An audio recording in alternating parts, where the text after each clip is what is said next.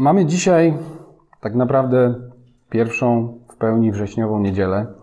Przed sobą 10 miesięcy, e, z jednej strony oczywiście roku szkolnego, natomiast e, mamy przed sobą też, słuchajcie, 10 miesięcy już od pewnego czasu zauważyliśmy, że w kościele funkcjonujemy jakby w dwóch takich kalendarzach. Mamy kalendarz kalendarzowy, jak on się nazywa, ten według którego funkcjonujemy? Ktoś pamięta? Nie, jakiś juliański, tak? Juliański, tak? Czyli mamy styczeń i potem grudzień, tak? W sensie, no i pomiędzy tam parę miesięcy. I potem znowu nowy rok. I mamy też rok tak zwany, przez niektórych zwany rokiem liturgicznym, e, więc e, my oczywiście nie mamy roku liturgicznego, ale mamy taki rok w pewnym sensie pracy, pewien sezon pracy Kościoła, wspólnoty, którą, którą współtworzymy. I właśnie teraz zaczyna się ten sezon i wyjątkowo chciałbym poświęcić temu trochę czasu i uwagi, bo, bo wierzę, że to jest szczególny sezon. Było w naszej historii parunastoletniej kilka takich szczególnych sezonów, kilka przełomowych, kilka dlatego, że na przykład poświęciliśmy czemuś czas, poświęciliśmy czemuś uwagę, a kilka dlatego, że po prostu trzeba było coś zrobić. Wierzę, że ten sezon jest dla nas wyjątkowy ze względu na to, co Bóg z nami chce zrobić i do czego nas jako wspólnotę chce przygotować i do czego nas zaprasza w pewien sposób. I teraz na samym początku chcę powiedzieć, że to jest, wierzę, że to jest owoc pewnych działań, które podjęliśmy w ubiegłym roku, przez cały ubiegły sezon właśnie, pomimo, że być może tych działań nie było do końca za wiele widać, no bo mieliśmy lockdowny, bo mieliśmy jakieś online'y, bo spotkania kulały, bo gdzie niegdzie odbywały się spotkania w jakimś mniejszym gronie, tylko, ale powiem Wam, że Bóg robił swoje dzieło, to co nas z Kasią przekonał rok temu podczas wakacji, do pewnych małych kroków, do pewnych małych modyfikacji, Wierzę, że to się udało zrealizować i bardzo jestem wdzięczny też wszystkim, którzy się do tego jakby dołożyli, zaangażowali. Pracowaliśmy w pewien sposób bardzo intensywnie też w gronie starszyzny przez cały rok właśnie nad tym i wierzę, że teraz mamy kolejny krok do zrobienia. I chciałem się dzisiaj podzielić z Wami, to nie będzie jakieś, wiecie, kazanie, nie wiem, teologiczne ani jakieś doktrynalne, ale chciałem się z Wami podzielić tym, co mamy w sercu, jeśli chodzi o ten najbliższy sezon, i dlaczego to, do czego jakby zachęcamy i o czym mówimy już od jakiegoś czasu, dlaczego wierzę, że tak to powinno wyglądać w najbliższym czasie i wierzę, że to jest coś, do czego Duch Święty nas prowadzi. Mnie osobiście, wiecie, z jakichś trochę dziwnych dla mnie, niezrozumiałych powodów, pasuje model takiego pełnego spontanu, czegoś, co się tworzy organicznie czegoś, co powstaje oddolnie, czegoś, co po prostu, wiecie, tak się nam wydaje, że tak, tak Jezus to robił. Przyszedł, pogłosił, ktoś tam się nawrócił, ktoś dostał, został uzdrowiony i potem czytamy, Bach, spotykali się po domach, przychodzili codziennie do świątyni, spotykali się na nauczaniu, na łamaniu chleba i tak dalej, i tak dalej. My myślimy, czytając to wszystko, że rzeczy działy się same, że one się działy właśnie tak organicznie i że to się wydarzało samo. Do pewnego stopnia tak, i do pewnego stopnia w naszej historii, nie, nie, wiem, wiecie, czy, czy niektórzy pamiętają, ale kilkanaście lat temu, jak zaczynaliśmy, to muszę powiedzieć, że myśmy zrobili bardzo wiele akcji, które przerosły ym, formą treść. I okej, okay, no każdy ma, myślę, gdzieś tam prawo do takich błędów, więc takie błędy myśmy też popełniali. Potem był sezon, czyli właściwie okres kilku lat takiego redukowania różnego rodzaju niepotrzebnych aktywności, przyległości, różnych właśnie form. I wylądowaliśmy w miejscu właśnie takiej organiczności i teraz Bóg nam mówi, mnie osobiście wierzę, że pokazuje to, że właśnie teraz przychodzi czas zbudowania nowej budowli, nowej budowli wspólnotowej, która będzie miała pewną strukturę, która będzie miała pewną trwałość, która będzie miała pewną przewidywalność. I od razu powiem, nie dlatego, że powstaną jakieś struktury organizacyjne albo że mamy budynek, bo to, że mamy to miejsce w tej chwili, te pomieszczenia i możemy się w nich jakby gospodarować, to, to jest w pewien sposób efekt i to jest narzędzie do tego, co się ma wydarzyć. To nie jest tak, że mamy budynek i teraz go zagospodarujmy, tylko to jest to, że myśmy dostali te miejsca tu od Boga po to, żeby realizować te cele, które On przed nami stawiał właściwie już rok temu. a w tym roku przychodzi czas, żeby to realizować. Bardzo zachęcam wszystkich do tego, że jeżeli ktoś naprawdę chce jakoś tak w duchu poczuć ten kierunek, którym Bóg nas prowadzi. Ja sam osobiście to ostatnio robiłem. Przeglądałem kroki, które przechodziliśmy przez ostatnie miesiące, zwłaszcza w okresie wakacyjnym. Słuchajcie, tym bardziej, jeżeli kogoś na przykład nie było, jeżeli ktoś gdzieś tam jeździł i tak dalej, czasem się włączył w jakiś tam online, czasem nie. Jeżeli możecie, to spróbujcie wrócić do tego, co tu było mówione w całym okresie wakacyjnym. Bo to, to było po prostu, ja teraz to widzę, i to jest po prostu, nie to, że to jest mega jakieś mądre, tylko to jest mega duchowe, dlatego że to jest mega skierowane do nas. Na ten moment, który teraz się dzieje. Jak sobie zdałem sprawę, z czego mam, o czym chciałbym powiedzieć dzisiaj, i nagle takie bing, takie po prostu piłeczki, które przeskakujące od początku wakacji, przez całe wakacje, bez względu na to, kto mówił, wszystko to się, a, a, wiele, właśnie, no jakby nie było tak, że wiecie, wakacje, no to, to się rozjeżdżamy. Ja nie wiem, czy nawet połowę e, spotkań ja tutaj mówiłem, to, to naprawdę było genialne prowadzenie. Więc jeżeli ktoś naprawdę chce wiedzieć, co Bóg mówi, to bardzo do tego zachęcam, żeby do tego wrócić. No ale dzisiaj podzielę się takimi pięcioma punktami, które nie będą jakimiś, wiecie, biblijnymi wersetami i tak dalej, chociaż Chociaż zobaczymy, może, może Bóg nas poprowadzi do czegoś też, żeby, żeby coś złapać. Ale jest takich pięć punktów, o których chciałem powiedzieć, żebyśmy się przygotowali w tym czasie i żebyśmy w tej chwili, to jest ten czas, żeby zacząć w to wchodzić. I od razu powiem, mamy na to, żeby się tego nauczyć, nie miesiąc. Mamy na to, żeby się tego nauczyć cały rok. I od nas zależy, w jaki sposób nauczymy się tego funkcjonowania i w jaki sposób dzięki temu będziemy przynosić owoce w czasie ostatnim. Bo wiecie, kontekst jest oczywisty. Powrót Jezusa się zbliża, zbliżają się czasy, które są czasami ostatnimi, zbliżają się czasy potężnego żniwa, zbliżają się czasy oczywiście też ucisków, zbliżają się różne te czasy, o których czytamy. Ale ostatecznie zbliża się czas powrotu naszego Pana na ziemię. I teraz Kościół musi być na ten czas przygotowany. I po prostu ja wierzę, że to jest nasza odpowiedzialność, nasza część odpowiedzialności za przygotowanie Kościoła. Po pierwsze, wierzę, że zbliża się, właśnie wchodzimy w czas pracy zespołowej. Wierzę, że naprawdę wchodzimy w czas pracy zespołowej. Praca zespołowa oznacza, nie będę się za bardzo też rozwodził nad tymi punktami, ale ona oznacza, że wiecie, to jest rodzaj właśnie odpowiedzialności za pewne wspólne dzieło. Praca zespołowa oznacza pewną organizację, oznacza pewne oczywiście zadania, oznacza nadanie tej, temu zespołowi pewnego charakteru i oznacza to, że w zespołach pracujemy na zasadzie wszyscy są równi, jest jakiś lider, lider, który uczy się od Jezusa, a więc ja tu przyszedłem jako Pan, żeby być sługą Was wszystkich. Od, od Jezusa będziemy się tego uczyć. Każda, każdy zespół będzie miał swojego lidera, czy powinien mieć swojego lidera, więc to jest też czas, kiedy będą się kształtować w nas.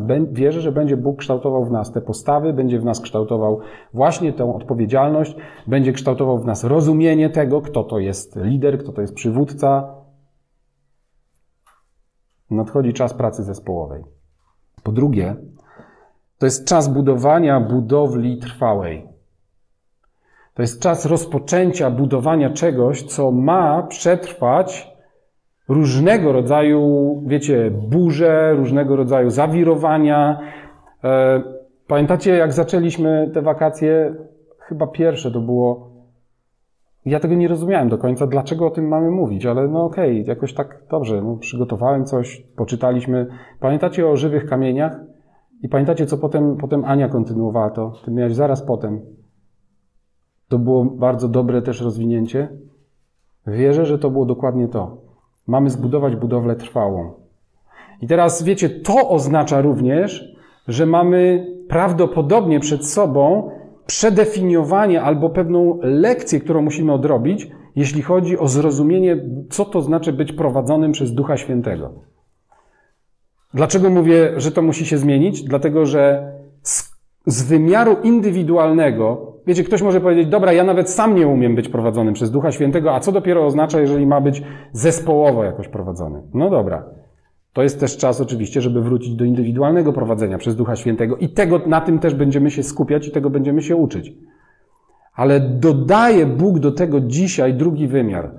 To jest wymiar właśnie zespołowego, właśnie grupowego bycia prowadzonym przez Ducha Świętego. A to już oznacza, że nie ma sytuacji takiej, w której, jeżeli są jakieś zbiorowe decyzje, duchowe decyzje, nawet do podjęcia zespołowo, że tam po prostu nagle, może nawet pamiętacie takie sytuacje, do mnie Duch Święty mówi to, do ciebie mówi Duch Święty co innego, a do niego mówi Duch Święty jeszcze coś innego. I teraz, czy to jest inny duch? To jest prawdopodobnie ten sam duch. Czy możliwe, że on mówi różne rzeczy do różnych ludzi? Możliwe.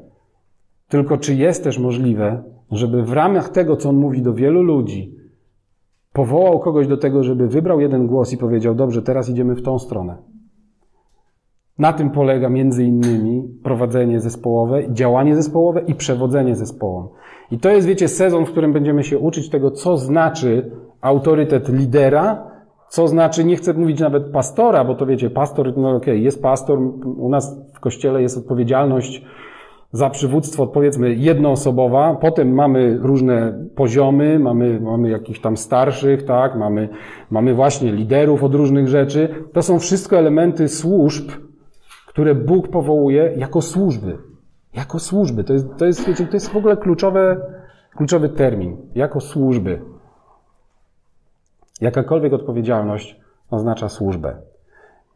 Ale ten drugi punkt, ja wiem, że tych słów to trochę używam dużo, ale ten drugi punkt to jest budowanie budowli trwałej.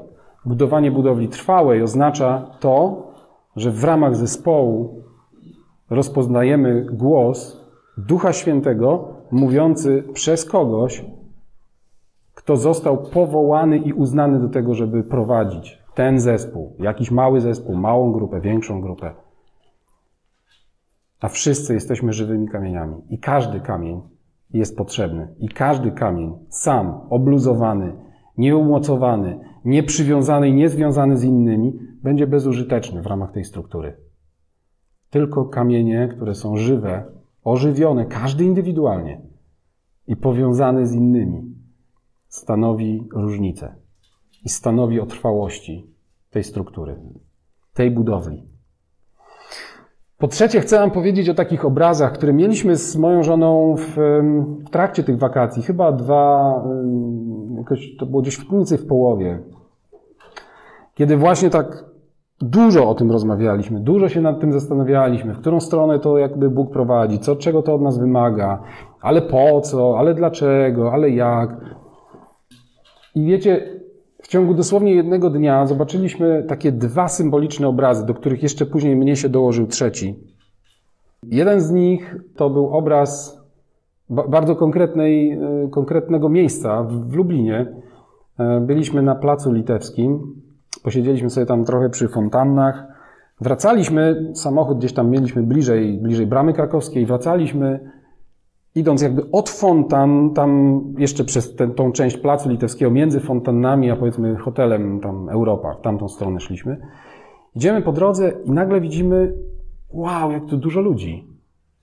I zobaczyliśmy takie, tam są takie dziwne konstrukcje, takie, nie wiem, takie ławki, ni to, ni to nie wiadomo co. No to nie, nie, nie ławki, bo są ławki też przy alejce, tak, normalne. Ale tam na trawie są jakieś takie, takie konstrukcje dziwne, Okazuje się, że one są idealne, nawet jak, jak są puste, to tak trochę może nawet nie wiadomo do końca, co to jest. Ale zobaczyliśmy, że na tych konstrukcjach siedzi, leży tłum ludzi, młodych ludzi. Jakiejś młodzieży, no jakichś dzieciaków. Tu jakaś grupa, tam jakaś grupa. Jeden siedzi, drugi tam jakoś wisi, ktoś tam leży. Po prostu obsiadnięte te struktury przez tłum ludzi. I zdaliśmy sobie sprawę, że Oczywiście to jest pewne uproszczenie, ale gdyby tych konstrukcji ktoś tam nie postawił, to tych ludzi tam by nie było. Być może poszliby gdzieś indziej. Być może musieliby sobie znaleźć inną infrastrukturę. Ale z jakichś powodów, wiecie, nie leżeli obok na gołej trawie, ale te struktury przyciągnęły ludzi. I zobaczyłem, że Bóg chce nas nauczyć, jak budować struktury, które przyciągną ludzi. Jak budować struktury, które przyciągną ludzi, które same z siebie będą miały moc powodowania, że, że ludzie zgromadzeni tam w tym miejscu czują się dobrze. Że czują, że to jest w jakiś sposób miejsce, w którym po prostu dobrze jest im być z innymi, bo to jest też, wiecie, wymiar. To nie jest tak, że na jednej ławce leżał jeden, na drugiej drugi, na trzeciej trzeci, a obok stała kolejka, żeby, za, wiecie, zawalczyć o to miejsce, jak tamtemu się już znudzi tam leżeć. Nie, tam po prostu był tłum ludzi. Drugi taki obraz to był obraz drzewa, zresztą biblijny bardzo. Jak jest mowa o ziarnie gorczycznym, e, pamiętacie tą przypowieść, że jest najmniejsze ze wszystkich ziaren. Ale kiedy się je wsadzi w glebę i kiedy wyrośnie, staje się drzewem, w którego gałęziach gnieżdżą się i chronią ptaki niebieskie. I to był drugi obraz. Obraz drzewa. Chcesz, żeby się zleciały ptaki? Zasadź drzewo. Zasadź drzewo. Zlecą się ptaki. I ten trzeci obraz, o którym powiedziałem, to jest obraz sieci. To jest obraz sieci. To jest trochę też obraz budowli, wiecie. To, to są różne obrazy. Po to są różne obrazy, że. I po to Jezus używał różnych obrazów, żeby dać nam do zrozumienia, że coś jest jak. Nie wiem, czy zwróciliście uwagę. Bardzo często, jak Jezus zaczynał przypowieść, to mówi: Z Królestwem Bożym jest jak. A potem mówi: Jest też jak z tym, a potem jest jak z czymś tam. To oznacza, że z Królestwem Bożym nie jest dokładnie tak, jak z, z tym czymś, ale jest trochę Królestwo Boże, zresztą Królestwo Niebieskie, podobne jest do. No i podobne jest do tego, i podobne jest do tego, i podobne jest do tamtego. Więc my też dzisiaj łapiemy różne rzeczy, do czego ma być podobne to, co my budujemy tutaj na ziemi, ten ludzki wymiar królestwa. Ale ma być też podobne, oprócz tego, że do budowli, ma być podobny do sieci której każdy jest połączony z wieloma elementami. Szczególny rodzaj sieci, bo być może sieci w formie pewnego stożka, gdzie i tak każdy element jest powiązany z głową. To jest jedyny rodzaj sieci, w którym każdy element jest powiązany z wieloma innymi, a w jakiś sposób ma nadprzyrodzone połączenie z głową. Każdy ma różne funkcje, mamy różne funkcje służebne względem siebie, Czasem ktoś do czegoś potrzebuje pomocy kogoś drugiego i nie jesteśmy powołani do tego, żeby funkcjonować samodzielnie. Ale jednak każdy każdemu służy tak, jakby służył. Dlaczego Jezus mówił, pamiętacie tą przypowieść, że choćbyście uczynili coś jednemu z tych najmniejszych, to mnieście uczynili. Pamiętajcie. Właśnie dlatego, że jak czynisz coś dla kogoś drugiego, to nawet jeżeli to jest tak, że ten ktoś nic nie ma, a ty masz dużo i masz mu dużo do dania, to dajesz mu jako komuś, kto jest bezpośrednio połączony z głową. Służysz komuś, kto ma bezpośredni związek z głową, z Chrystusem, który jest głową każdego z nas z osobna, a jednocześnie tej budowli, a jednocześnie tej struktury, a jednocześnie tej sieci. Więc to jest, to jest trzeci punkt, te obrazy struktur, drzewa, sieci, po czwarte, y, wierzę, że dla nas najważniejszym na najbliższy czas jest pewnego rodzaju strategiczny motyw. I ten strategiczny motyw, który jeszcze nie wiem, czy sobie jakoś opracujemy, wiecie, są kościoły, jakieś tam różne, nowoczesne, one mają jakieś tam wiem, hasło, na przykład na rok, albo coś. No. To też jest fajne. Nie wiem, może też wejdziemy w takie hasła, ale dla mnie hasłem na ten najbliższy czas, na ten naj, naj, nadchodzący sezon, to są połączenia. To są połączenia między nami. To wszystko, co, co będziemy robić, to wszystko, co, co, w co się będziemy angażować, to wszystko ma jakby jeden mieć wspólny mianownik i jeden jakby weryfikator, czy to w ogóle ma sens. Każda aktywność, którą będziemy robić, jeżeli nie sprzyja temu nadrzędnemu strategicznemu celowi, powinna być zweryfikowana albo zaprzestana, albo usunięta, albo zmieniona. Ten nadrzędny, strategiczny dla nas cel to są połączenia. Połączenia między ludźmi. I to, o czym ja mówię, o jakichś właśnie strukturach, to, to właśnie nie chodzi o organizację, to nie chodzi o miejsca, to nawet nie chodzi o wydarzenia, tylko chodzi o strukturę z nas, o strukturę z ludzi. I teraz, co jest ważne, to wierzę, że chodzi o strukturę nie tylko wewnątrz Kościoła, nie tylko strukturę między nami, ale chodzi o pewnego rodzaju zdolność do nawiązywania połączeń, życiodajnych połączeń na zewnątrz. Coś, czego chciałbym, żebyśmy, za chwilę przejdę jeszcze do jakichś takich praktycznych y, elementów, coś, co wierzę, że jest dla nas, to wiecie, to nie jest to, że ja bym chciał, żeby to działało. No, to ja wierzę, że Bóg chce, żeby to tak działało. Żeby połączenia, które są między nami, jakby powodowały, że będziemy się tego uczyć, że będziemy to rozumieć, ale że będziemy również, wiecie, na zewnątrz, my mamy jakiś obraz, każdy ma jakiś obraz ewangelizacji, każdy ma jakiś obraz misji, Wiecie, jedni wyobrażają sobie, że na misję no to jest gdzieś tam pojechać daleko, do dalekich krajów, zrobić spotkanie, paru, paru ludzi się nawróci, ktoś tam zostanie uzdrowiony, tam na pewno, bo tam jest dużo wiary od razu wzbudzone, więc jakby wiecie, że jest, jest łatwiej, nie? I, no i okej. Okay. No i potem coś tam, coś tam się dzieje, jakiś tam starszych powołamy, ktoś tam będzie nauczał, wyjedziemy. Tutaj, gdzie jesteśmy, w naszym środowisku jest trudniej. Dlatego, że nie wiem, czy będę wyrazicielem też czyjegoś zdania, czyjejś opinii, ale są ludzie, którym chcemy głosić Chrystusa, chcemy im opowiadać o życiu z Bogiem. Chcielibyśmy, żeby się nawrócili, bo chcielibyśmy, żeby wylądowali w niebie, bo chcielibyśmy z nimi spędzić wieczność. Ale czy na pewno chcielibyśmy z nimi nawiązać połączenie na zupełnie nowej zasadzie, po to, żeby być dla nich, wiecie, takim punktem przyłączenia właśnie do ciała Chrystusa i żeby przez to połączenie naprawdę płynęło życie i żeby tego kogoś potem uzdolnić i przygotować do nawiązywania kolejnych połączeń. Na tym to trochę właśnie polegało. Pamiętacie, jak Paweł pisał do Tymoteusza? To, co się nauczyłeś, przekaż ludziom e, godnym zaufania. Tak, nie przekaż. Tylko tak, żeby potem oni mogli i umieli kolejnych nauczać. Więc gdzieś ten element, słuchajcie, budowania połączeń jest w Bożym sercu od zawsze. Jest w Bożym sercu od początku. I teraz, czy to znaczy, że z każdym, z kim rozmawiamy, z każdym, kto wyraził jakieś zainteresowanie, z każdym, komu świadczyliśmy o Chrystusie, komu świadczyliśmy swoim życiem, słowem, kto, widzicie, widzimy, że jest niedaleko od królestwa. Czy to znaczy, że z, tym, z każdym z człowiekiem musimy mieć teraz my połączenia? Niekoniecznie.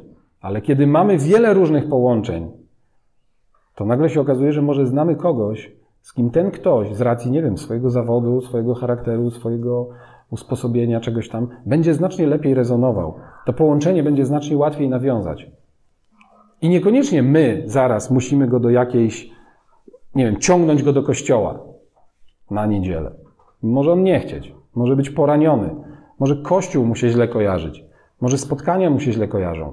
Może był już w dwóch takich kościołach jak nasz i doświadczył też różnego rodzaju zranień, jakichś nadużyć i potrzebuje po prostu szpitala, który go wyleczy właśnie z jakiegoś niezdrowego zrozumienia kościoła. I wtedy potrzebujemy kogoś innego, kto będzie bardziej w stanie zarezonować z tym kimś, z kim rozmawiamy.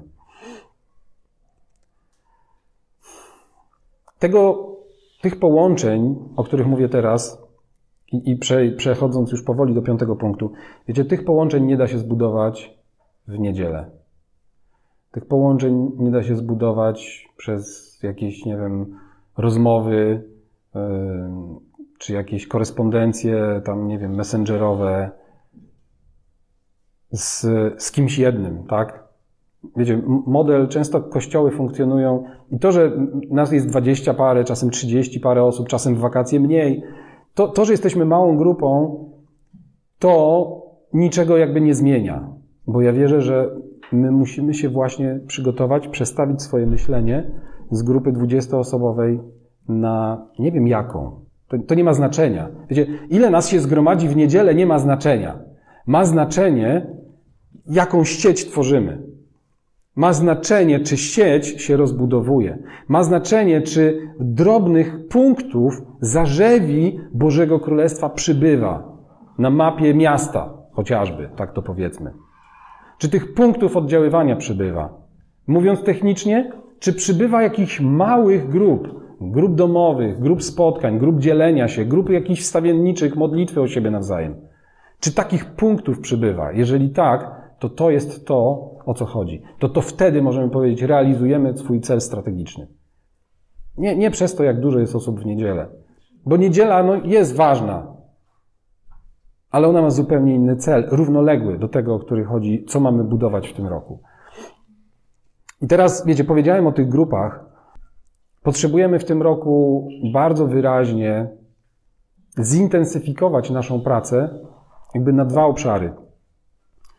Właśnie na grupy, właśnie na grupy, które możemy używać terminu domowe, ale żeby było jasne, to nie chodzi o to, że koniecznie to musi być w domu, tak? To może być gdziekolwiek. Ale chodzi o to, że to, wiecie, nie w kościele, nie w jakimś konkretnym oddelegowanym do tego celu budynku, nie w czasie jakiegoś dużego spotkania, ale tam, gdzie jesteśmy. Tam, gdzie jesteśmy. Jeżeli jesteśmy w domu i w domu jest dobrze mi się spotkać z bratem, z siostrą, poświęcić czas na studiowanie słowa, na modlitwę, na zainteresowanie się sobą nawzajem, na troskę o swój własny rozwój, niech to będzie w domu.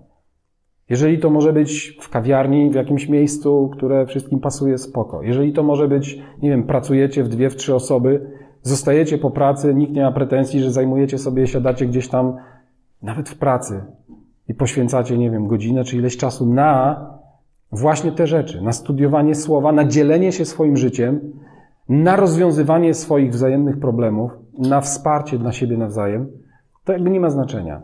To może być gdziekolwiek. Dom, dlatego się mówi też dom i grupa domowa, czy kościoły domowe, dlatego taki jest ruch kościołów domowych, no bo, no bo w domu, wiecie, jest jakby najlepsza okazja, najlepsza atmosfera. Czy to musi być zawsze w tym samym domu? Też niekoniecznie. Ale otwarcie y, swojego domu dla kogoś innego, żeby mu usłużyć, ma też pewien wymiar duchowy i taki symboliczny. Ma też, wiecie, taki wymiar, który wymiar pewnej gościnności, bo najłatwiej jest realizować gościnność u siebie, tak? Ja mogę ugościć kogoś tym, co sam mam, tym, tym gdzie jestem. Ktoś może się poczuć ugoszczony, dlatego że jakby wszedł, został zaproszony do mojego życia. I dlatego to jest, e, dlatego to jest takie istotne. Więc to jest jeden aspekt tych grup. Drugi aspekt to jest aspekt służb, które bardzo, bardzo mi zależy, żeby zaczęły działać nie dlatego, że potrzebujemy wyglądać jak jakiś inny kościół, albo wyglądać ładnie, albo dobrze się czuć. Potrzebujemy służb z dwóch powodów. Po pierwsze, z powodu efektywności, ponieważ nie jest efektywna grupa, nie jest efektywna grupa, w której. Yy, no to tak zresztą było też na początku. I z Mojżeszem, tam pamiętacie, jak Jetro mu powiedział: Ej, ale ty musisz sobie wybrać liderów, bo tego ludu jest za dużo. Więc żaden pastor, żaden lider nie da rady na pewnym poziomie zrobić wszystkiego sam. To samo było z apostołami, tak? Musieli sobie wybrać diakonów, powiedzieli, dobra, potrzebujemy diakonów, bo nie możemy się zająć wszystkim. Jeżeli mamy być powołani do modlitwy i do służby słowa, no to nie możemy się zająć wszystkim i dlatego przy stołach i do obsługi spotkań właśnie potrzebowali diakonów. Więc powołali gości, którzy się zajęli organizacją spotkań, stołów, jedzenia i tam tych innych, nagłośnienia, transmisji, tych wszystkich rzeczy. Potrzebowali pomocy. I to jest jeden powód, to jest, to jest efektywność. A drugi powód jest znowu związany z tym strategicznym celem. Chodzi o to, że połączenia, te, te służby, o których powiedziałem, one w większości będą związane z naszymi albo niedzielnymi, albo innymi spotkaniami, ale tu, najczęściej tu w tym miejscu, no, niekoniecznie też, bo możemy mieć gdzieś tam na zewnątrz. Ale chodzi o organizację, organizację naszego życia po to, żeby jak ktoś do nas trafi na jakieś nasze wydarzenie, na spotkanie niedzielne, na jakieś inne seminarium, takie, śmakie, owakie, tu czy gdziekolwiek, cokolwiek organizujemy, Musimy mieć pewność. Wiecie, ja nie lubiłem jednej takiej teorii, e, która, która kiedyś pokutowała w wielu kościołach i nawet u nas też kiedyś, no, mieliśmy różne tam historie, że wszystko, co jest związane z kościołem, musi być jakościowe, musi mieć jakość. Ja tego za bardzo nie lubiłem, bo to oznaczało przerzucenie się, wiecie, w taką ideologię, że im mniej Ducha Świętego, tym więcej kawy mocnej potrzebujemy, nie? I dzisiaj już jakby trochę się z tego leczę i pokutuję z takiego rozumowania. To, co robimy, musi mieć jakość, ale dlatego, żebyśmy my i ci, których tu zaprosimy, po prostu czuli się tu dobrze. I to tylko o to tu chodzi. Tylko o to tu chodzi. Będziemy się czuli lepiej, kiedy będziemy mieli, mam nadzieję, może w ciągu tygodnia, dwóch, nową wykładzinę. Będziemy się czuli lepiej, kiedy tu za mną się pojawi jakiś, jakieś takie fajne, nie wiem, kotara, tło, nie wiem, cokolwiek.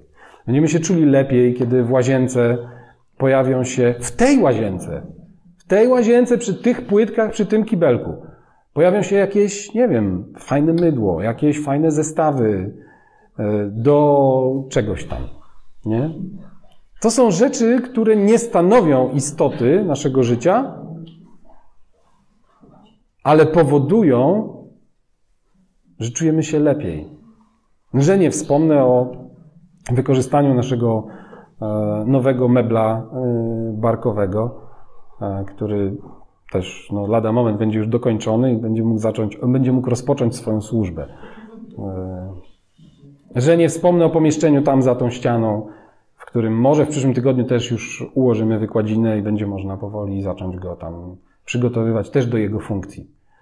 Bo tam powstanie jakaś infrastruktura, bo powstaną jakieś kanapy, bo powstaną jakieś stoły czy krzesła, które spowodują, że ktoś będzie chciał tu po prostu przyjść.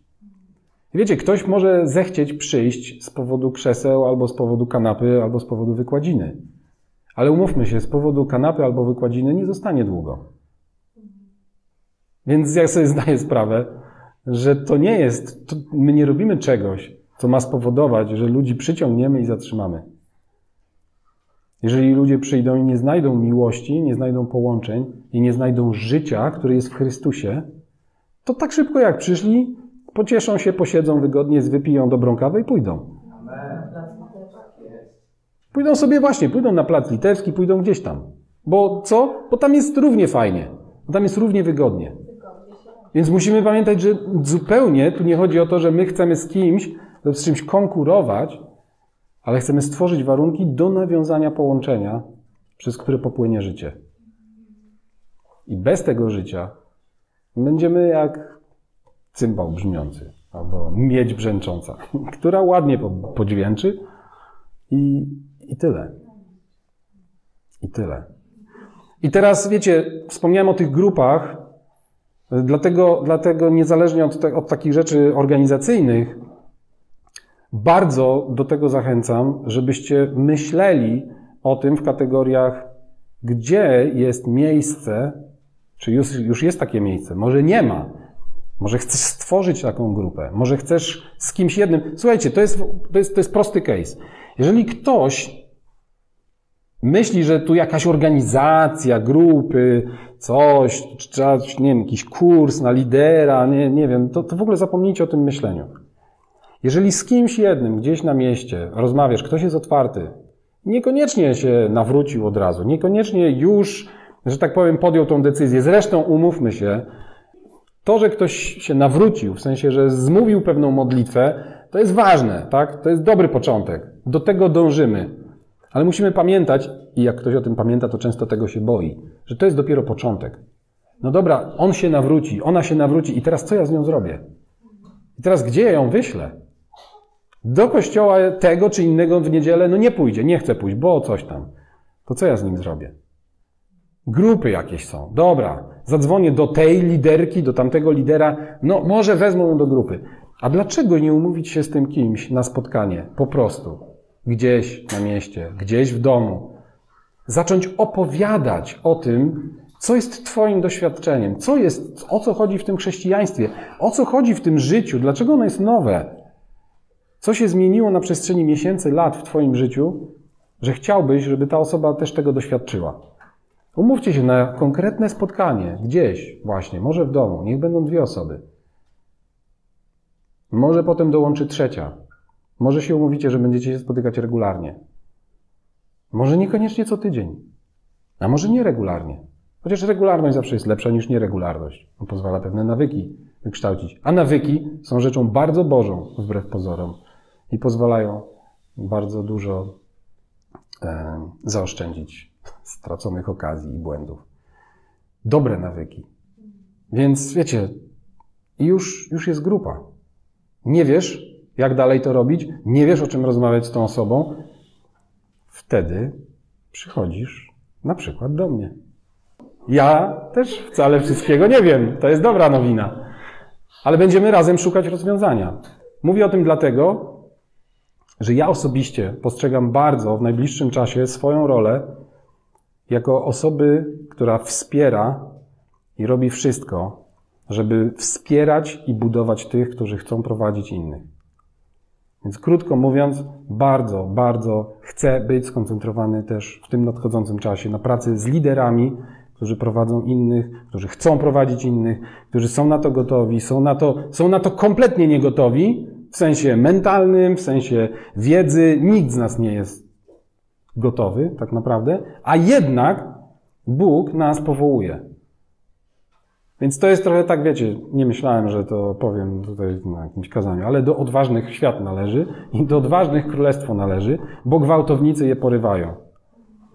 Wiecie, Jezus wybrał samych nieudaczników, ale zobaczył w nich coś, co spowodowało, że się nadawali. Więc słuchajcie, myślę, że w wielu kościołach, może i w naszym, apostołowie, najprzenajświętsi, w dniu, kiedy byli powoływani, nie znaleźliby miejsca. A jednak jak, z jakichś powodów się nadawali. Więc wiecie, przestańmy myśleć, że się nie nadajemy, bo, bo to jest też tak, że nikogo, kto chce pracować z innymi, nikogo, kto chce prowadzić innych, nie zostawimy bez pomocy. Ja osobiście, moja rodzina, moja żona, wierzę, że też starsi, wierzę, że też ci, którzy już na przykład jakiś czas robią jakieś grupy, też będą do dyspozycji do pomocy. Więc naprawdę to będzie moment, w którym coś zacznie się dziać. I tu nie chodzi o szumne grupy. Możecie popatrzeć po sobie, wow, jest nas 20 osób. Możemy zrobić aż dwie grupy. Super. Na dzisiaj może będą dwie grupy, może trzy. Ale nic nie stoi na przeszkodzie, żeby było tych grup, ile? Na przykład 10 dwuosobowych, jeżeli one mają mieć potencjał rozwojowy. Jeżeli tam ma być pielęgnowane ziarno rozwoju połączeń, nowych połączeń. I nie ksobnie, tu do wewnątrz w kościele, kochajmy się, spotykajmy się. Super, kochajmy się, spotykajmy się, to jest absolutny początek. Więc dlatego zacznijmy od grup, wiecie, tu, naszych.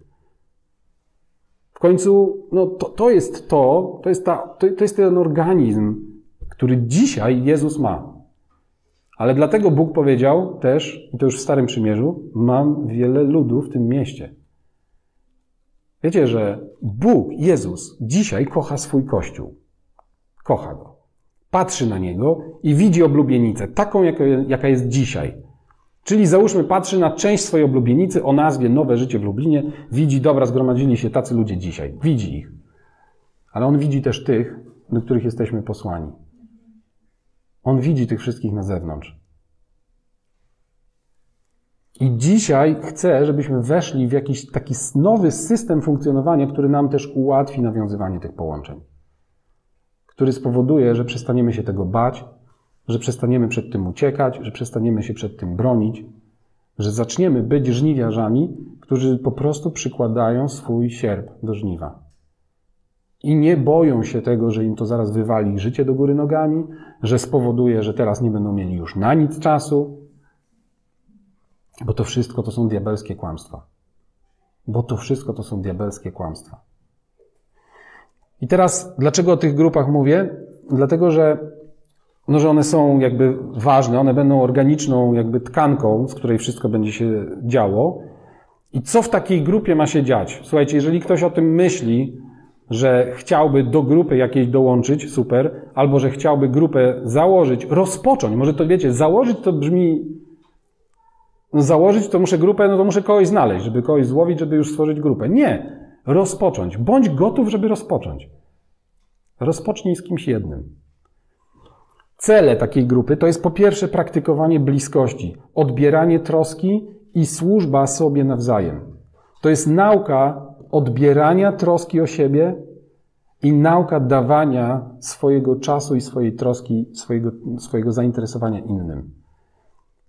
I naprawdę chcę tutaj od razu zgromić wszystkie jakieś takie myśli typu, co ja komuś dam, ja sam, ja sama potrzebuję pomocy. To super.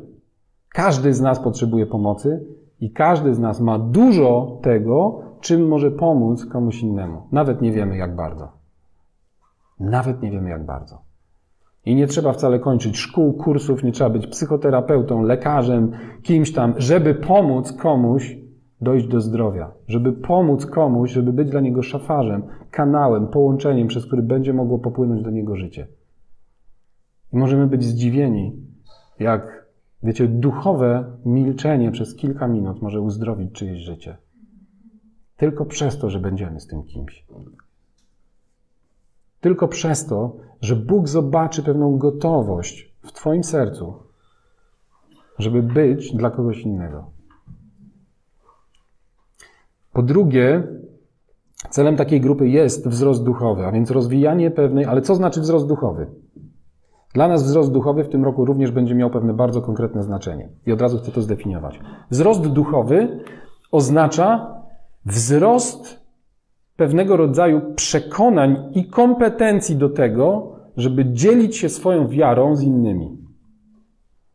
Żeby mówić innym o rzeczach związanych z wiarą, z jakimiś doktrynami, sprawami, prawdami wiary i uwaga, ze swoim doświadczeniem duchowym, ze swoim, ze swoim doświadczeniem spotkania z żywym Chrystusem, mówić o tym innym w sposób zupełnie swobodny, niereligijny, w sposób nieinwazyjny, bo my się boimy tego, że albo my zostaniemy odrzuceni, że ktoś nas wyśmieje, albo boimy się tego, że ktoś się przestraszy i zadziała na zasadzie nastraszyliśmy kogoś piekłem, no i teraz wziął się, wystraszył, no i się szybko nawrócił. Tego też nie chcemy, prawda? No oczywiście, że nie chcemy. No, no to nie, no to ja nie mogę tak mówić. Właśnie wiecie, tego to będziemy w grupach praktykować. Tego będziemy się uczyć. Tym będziemy się dzielić. Co działa, co nie działa. W jaki sposób mówić o swoich doświadczeniach. Mówić o swoim świadectwie w sposób, który będzie budził zainteresowanie i budził otwartość w innych ludziach. Jak mówić o Jezusie, jak mówić o Królestwie. Jezus jak przyszedł, pamiętacie, on w zasadzie mówił Ewangelię o Królestwie. Komu mówić o Jezusie? Komu mówić o Królestwie? Kiedy? Jak to rozpoznawać? Jak być prowadzonym przez Ducha Świętego właśnie w trakcie nawiązywania, w trakcie takich rozmów gdzieś z ludźmi na zewnątrz? I o naszej drodze uświęcenia o tym, co, jak nasza droga uświęcenia wygląda, jak o tym opowiadać, jak się tym dzielić. I trzeci element jako cel grup to jest po prostu przepływ, to jest podłączenie, to jest wszczepienie, to jest wbudowanie w ciało Chrystusa. Chyba na nie, jednym z niedawnych którychś tam y, tych takich kazań na, na diakonii, chyba Fabian coś takiego powiedział. E, ten termin mi się spodobał. Jak ktoś z czymś przychodzi, coś, o czymś tam opowiada, nie wiem, tam żali się, albo ma jakieś tam frustracje, albo jakiś problem, to mówi, ma, ma czasem ochotę zapytać, a gdzie jest Twój kościół pierwszego kontaktu? Gdzie jest to miejsce, w którym jesteś podłączony do królestwa? Gdzie jest to miejsce, w którym jesteś podłączony do ciała? Gdzie jest to miejsce, w którym jesteś wbudowany w mur? Gdzie jest to miejsce, jak zobaczyłbyś mapę sieci ciała Chrystusa, to gdzie jest to miejsce, w którym Ty jesteś włączony? Krótko mówiąc, z kim jesteś połączony bezpośrednio najbardziej? Kto jest Twoim połączeniem? To nie musi być jedna grupa, jedna osoba, sieć, prawda? Więc to może być od razu kilka osób. To nie musi być jakiś mój lider, nazywa się, no i on teraz jest odpowiedzialny za wszystko. Może tak, no, może tak. Ale może, może nie powiesz imienia lidera grupy, z którą się spotykasz, ale może powiesz imię jakiejś siostry, jakiegoś brata, dwóch osób z tej grupy. Ale szczerze, nie wierzę w to, że możemy mieć najbliższe, najważniejsze połączenia w ciele Chrystusa w kontekście jakichś takich spotkań typu niedziela, która jest super, w kontekście zgromadzeń nawet kilkudziesięcioosobowych. To musi być jedna, dwie, może pięć osób, ale to jest miejsce, gdzie jest to miejsce, w którym jesteś włączony w ciało. Może to jest ten ktoś, kto ci zwiastował Ewangelię. Może to jest ktoś, uważajcie, z kim się nie spotykasz dzisiaj regularnie, ale z kim wiesz, że masz najbardziej bliską, najbardziej duchową więź. To co pozostaje zrobić? Jak najszybciej się z tym kimś skontaktować. Zacząć coś z tą więzią robić. Wiesz co? Jeżeli jest tak, że czujesz, że najbliższą więź masz z jakimś bratem, z jakąś siostrą, który ci głosił Ewangelię 2, 3, 5 lat temu i prawie od tamtej pory się nie widzieliście. I może to jest ktoś, kto jest w innym kościele, a ty siedzisz w tym kościele albo w jakimś innym, przychodzisz regularnie, wiernie na spotkania niedzielne i narzekasz, że nie masz z nikim bliskiej więzi. A jeżeli raz na jakiś czas spotkasz się z tym kimś, to kurczę czujesz, że płynie życie, że, że to co cię jeszcze trzyma, żeby z tym kimś zacząć budować? Żeby poprosić go, słuchaj, spotkajmy się. Bo potrzebuję modlitwy. To jest takie, wiecie, chrześcijański taki czasem slogan. A czasem po prostu naprawdę potrzebujemy modlitwy i niczego więcej nie możemy dać. Wiecie, potrzebuję modlitwy to nie jest wcale też takie złe, bo nie nakłada na kogoś od razu jakichś przesadnych obciążeń. Ja wiem, że znowu ktoś powie, dobra, ale ja się nawet modlić nie umiem. Okej, okay, tego też się będziemy uczyć. Ale do tego naprawdę, to, to, to wiecie, to potrafi każdy wierzący. Dać swój czas i dać modlitwę możemy zawsze. A to, że na przykład w trakcie tej modlitwy Bóg zacznie do tego kogoś mówić, że tam się poleją jakieś proroctwa, jakieś słowa poznania, albo w ogóle nie będziemy nawet wiedzieć, że to jest proroctwo, słowo poznania, tylko sposób, w jaki się pomodlisz słowami, które ci Duch Święty podsunie, nagle rozwiążesz problem tego kogoś. I co? I nie pójdzie do domu, tylko będzie chciał więcej. Będzie chciał się znowu spotkać. Będzie chciał dalej, będzie chciał pójść gdzieś dalej. I nagle zobaczymy, ej, może to jakaś grupa, tak zwana.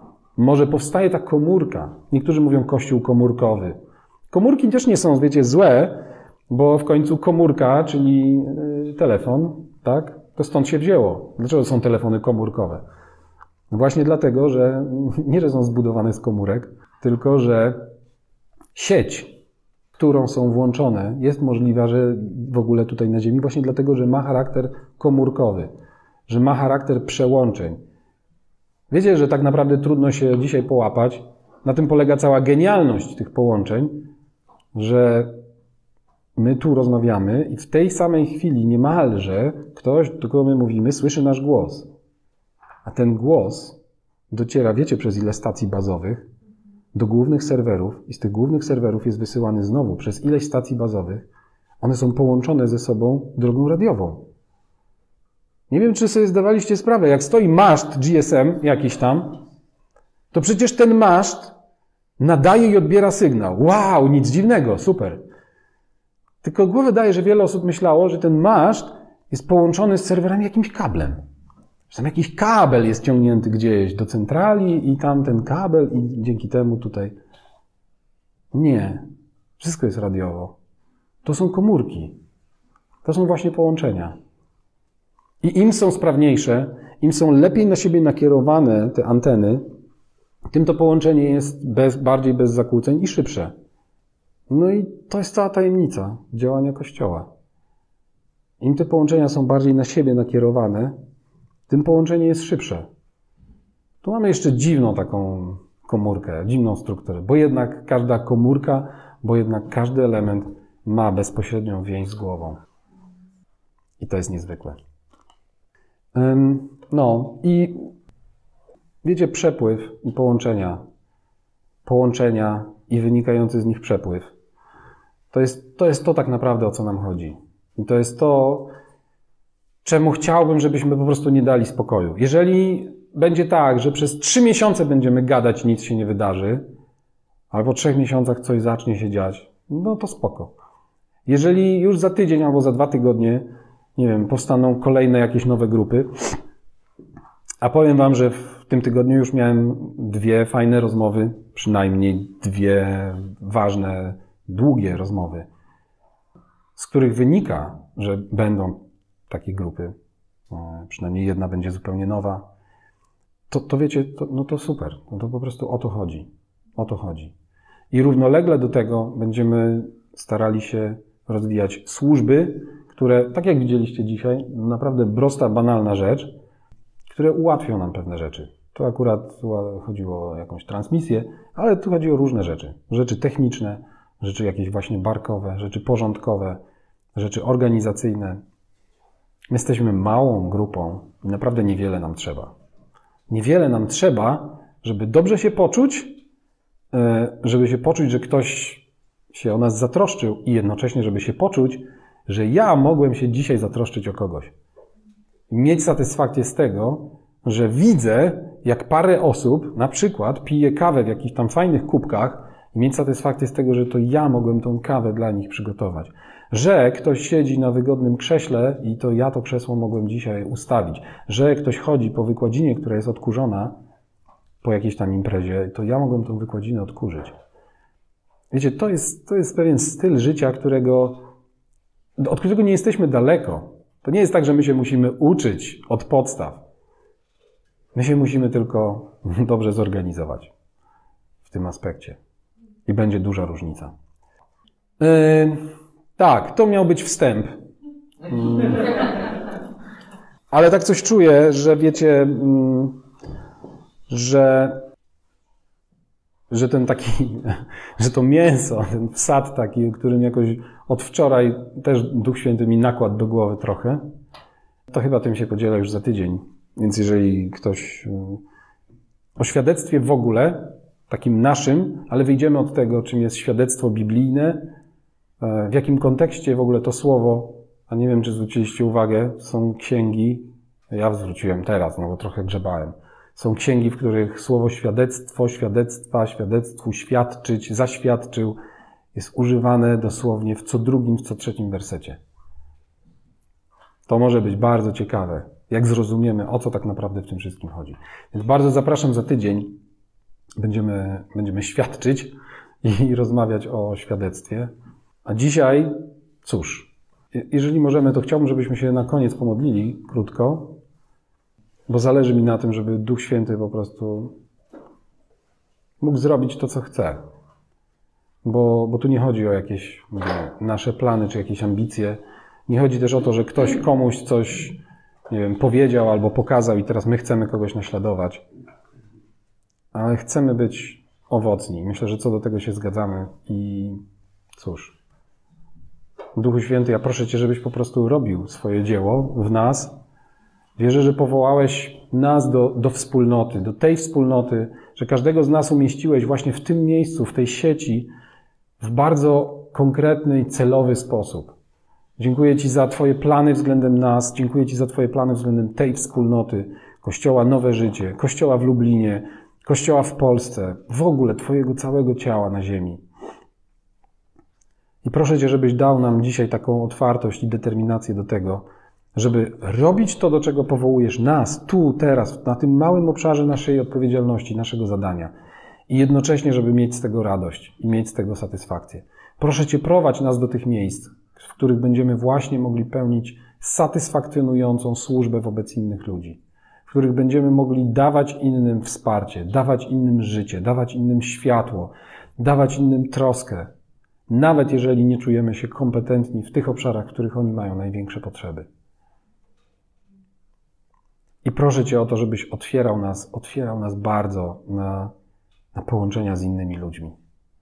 Proszę Cię, Duchu Święty, Ty otwieraj nasze serca ty kieruj nasze oczy, Ty nakierowuj nasze anteny. Ty pokazuj nam, gdzie właśnie powinno być nasze główne miejsce połączenia. Z kim powinniśmy tworzyć połączenia? Z kim powinniśmy budować? Z kim powinniśmy zacząć może? Może do kogo powinniśmy się zwrócić po to, żeby spróbować zbudować takie połączenie, jeżeli go nie mamy, a czujemy, że powinniśmy. Proszę Cię, daj nam też taką odwagę. Daj nam wrażliwość na innych ludzi. Pokazuj nam też tych, którzy z jakichś powodów może nie chcą albo nie mogą do nas się zwrócić. To pomóż nam zrobić pierwszy krok. I proszę Cię, naprawdę buduj z nas Twoje, Twoje ciało, Panie Jezu. Buduj z nas Twoją strukturę, buduj z nas Twoją budowlę, tak jak Ty sam chcesz.